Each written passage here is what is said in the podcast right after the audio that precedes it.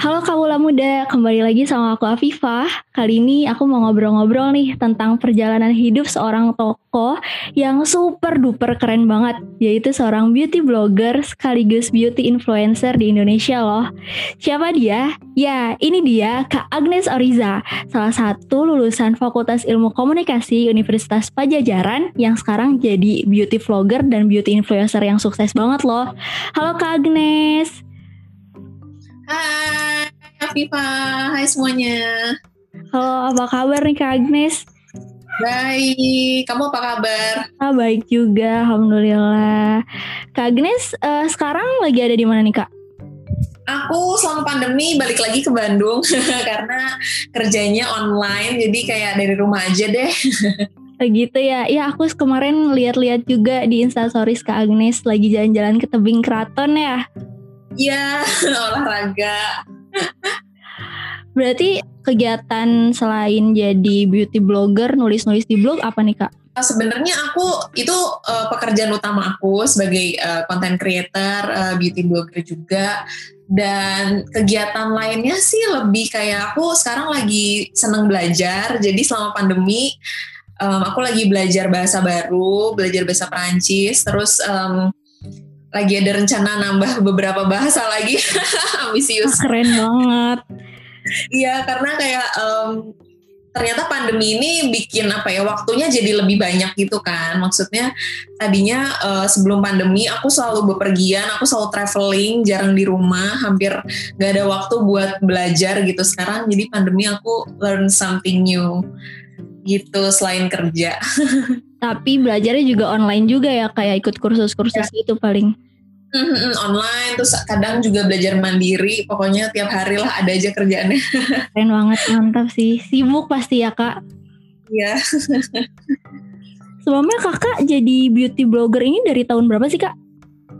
Uh, aku dari 2009 dari pas aku mau lulus SMA jadi peralihan SMA terus kuliah mau masuk ke Vkom Unpad itu aku udah mulai ngeblog sih karena aku angkatan 2009 kan. Jadi um, ya sekitar itulah habis selesai ujian sekolah SMA kalau nggak salah aku mulai nulis blog The Curly Girl Journal namanya waktu itu The Curly Girl Journal .blogspot.com panjang banget. Kalau sekarang udah dipersingkat agnesoriza.com. Jadi kan kakak nulis jurnal tuh udah lumayan lama dong ya sampai tahun 2020 sekarang. Awal kali memutuskan untuk menulis jurnal tuh karena apa tuh? Apakah nulis hobi? Blog, ya? Eh iya nulis blog maksudnya. Um, ya jadi emang aku kan dari dari kecil emang agak kecentilan gitu ya suka dandan suka perawatan gitu. Uh, terutama kalau perawatan sih aku belajar banget dari mami aku gitu kan. Dia tuh sampai sekarang beliau tuh masih awet muda karena dari aku kecil ya itulah ada aja ritual-ritualnya dia gitu. Uh, dan selama aku sekolah aku juga kalau ke sekolah tuh ya era itu tuh maksudnya udah pakai lip balm, udah kadang SMP tuh ke sekolah udah pakai maskara tipis gitu. Terus uh, dan aku juga udah skincarean tuh dari SD. Aku dari kelas 4 SD udah udah mengenal skincare, udah mengenal proses cleansing, moisturizing, pakai toner itu udah dari kelas 4 SD. Jadi uh, seiring berjalannya waktu pas SMP terutama SMA sih Iya, emang aku kan udah suka perawatan. Nah, terutama kan uh, pas SMA tuh ya udah pada mulai centil lah ya anak-anak gitu, anak-anak SMA. Dan di situlah aku mulai dapat banyak pertanyaan, kamu tuh gimana sih? Kok mukanya bisa kayak gitu? Gitu. Aku juga bingung kayak gitu kenapa? Gitu kan. Uh, maksudnya apa sih perawatannya? Terus kayak misalnya kalau ke sekolah tuh pakai bedaknya apa dan segala macam. Dan itu hampir tiap hari temanku nanya.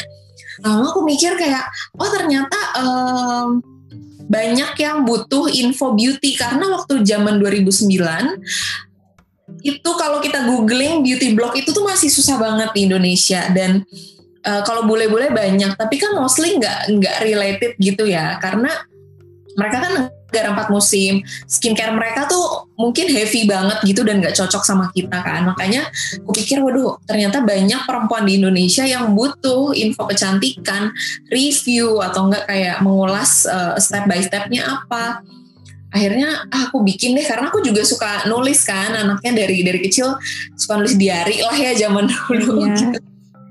jadi ya aku combine dengan pengetahuan uh, dengan pengetahuan beauty aku aku bikin lah si beauty blog itu. Oke gitu ya kak. Tapi aku dengar-dengar nih kak, waktu dulu aku baca-baca berita gitu katanya kakak tuh berawal dari uh, bulian gitu loh kak. Sampai akhirnya kakak bisa berani dan percaya diri. Itu benar gak sih kak? bener banget karena aku tuh dari kecil selalu dibully karena um, sekolah aku kan swasta swasta di Bandung uh, mostly maksudnya anak-anaknya tuh dari yang maksud kulitnya sangat putih rambutnya tuh lurus banget gitu sedangkan aku beda sendiri kan dari mereka jadi memang dari kecil tuh aku nggak pernah merasa cantik dan nggak pernah ngerasa diterima di kalangan teman-teman terutama yang populer yang anak-anak cantik tuh kayak nggak pernah ngerasa masuk gitu. Uh, selalu maksudnya kayak aku geng anak biasa aja gitu. Okay. dan uh, makanya aku kan ngelurusin rambut waktu SMP sampai SMA 6 tahun itu. Nah makanya kenapa aku bikin blog juga? Karena itu pas banget peralihan aku pas tahun 2009 tuh kayak udah lelah banget karena udah enam tahun ngelurusin rambut kan.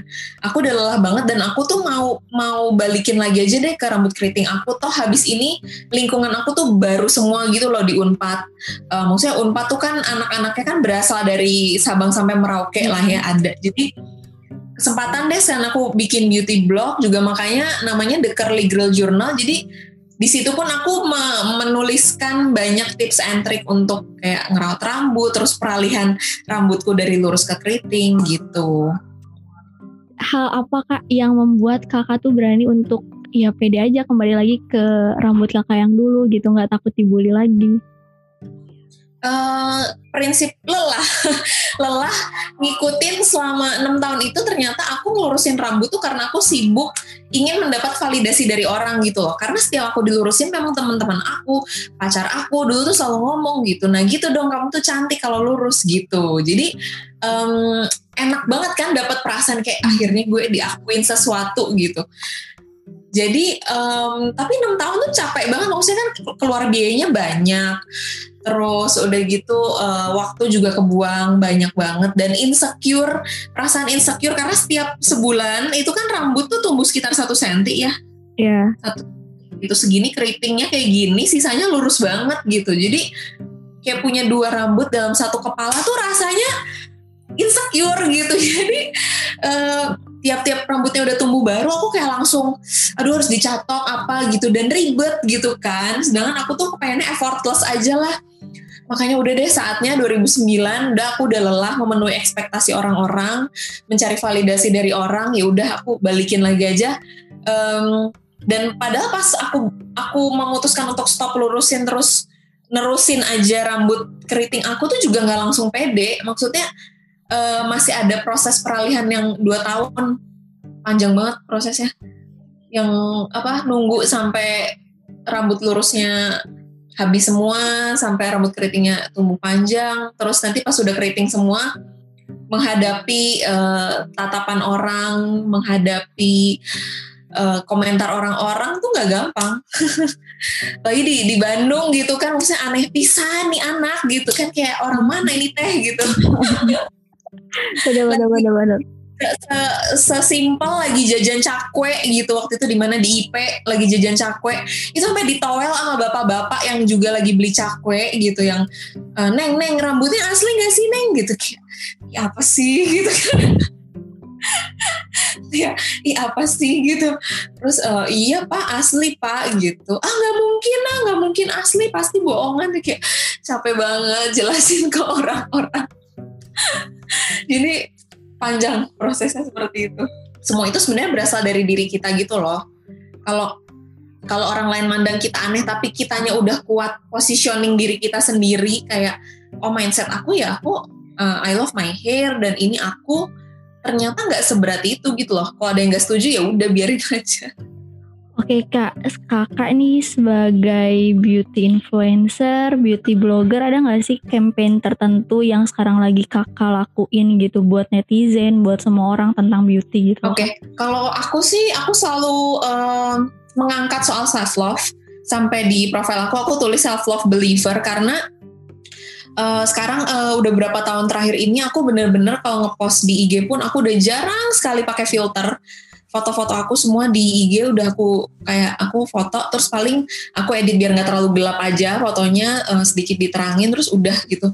Nggak filter nggak nggak diedit yang gimana gimana karena emang emang apa ya misalnya aku juga nggak harus selalu estetik gitu ya apa yang aku mau post aku post aja gitu. Aku mau nunjukin bahwa ya ya real I'm a real person gitu. Jangan dilihat kayak kak kamu gini kak kamu gitu gitu. Dianggapnya tuh semua orang yang ada di sosmed sempurna gitu.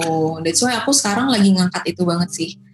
Aku udah kayak hampir nggak pakai filter terus juga apa namanya aku sering uh, mengkomunikasikan bahwa kayak you are enough. Kamu tuh udah udah cukup gitu loh nggak harus berusaha jadi orang lain berusaha jadi si ini si itu. Dan aku juga lagi beberapa kali mengingatkan gitu bahwa eh aku punya cerita nih perjalanan karir aku dulu abis kuliah tuh gimana gimana gitu biar biar mereka nggak cuma ngelihat hasil jadinya aja. Terus aku mau tanya ke personal question sih sebenarnya dalam hidup kakak, karir kakak, value apa sih yang selalu kakak pegang atau value apa sih yang selalu orang tua kakak atau keluarga kakak berikan gitu untuk diri kakak sendiri? Uh, kalau dari aku, aku selalu memegang prinsip bahwa uh, selalu ada jalan. Selalu ada jalan, apalagi kalau emang kita percaya, kita kerja keras dan niat kita baik, itu pasti ada jalan.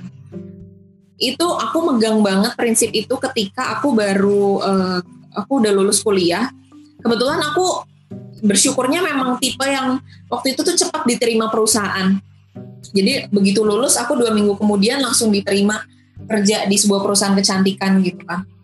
Tapi habis itu ada struggle dalam diri aku gitu kayak ih gila ya aku tuh uh, maksudnya ngebloknya jalan tapi kerjaan kantor juga banyak banget. Aku tuh harus milih gitu karena kalau aku ngerjain semuanya barengan itu nggak nggak maksimal gitu kan ya gimana sih aku ngantor tapi aku ada event beauty tapi aku harus ngeblok dan segala macam sedangkan udah mulai menghasilkan gitu dan waktu itu aku memberanikan diri untuk keluar kantor walaupun kayak diragukan banget lah ibaratnya sama orang tua aku. Cuma aku selalu uh, pegang dan aku meyakinkan mereka juga dan mereka juga akhirnya percaya bahwa iya sih ketika kita ada niat baik kita selalu berusaha kerja keras pasti pasti ada jalan gitu. Dan ya benar maksudnya semenjak saat itu aku malah dapat freelance aku malah makin naik di dunia blogger gitu. Jadi tenang aja jangan khawatir selalu ada jalan dan asal ada kemauan ya kak. Ya betul. Pasti pasti ada caranya. Pesan apa yang mau kakak kasih untuk kakak di masa depan?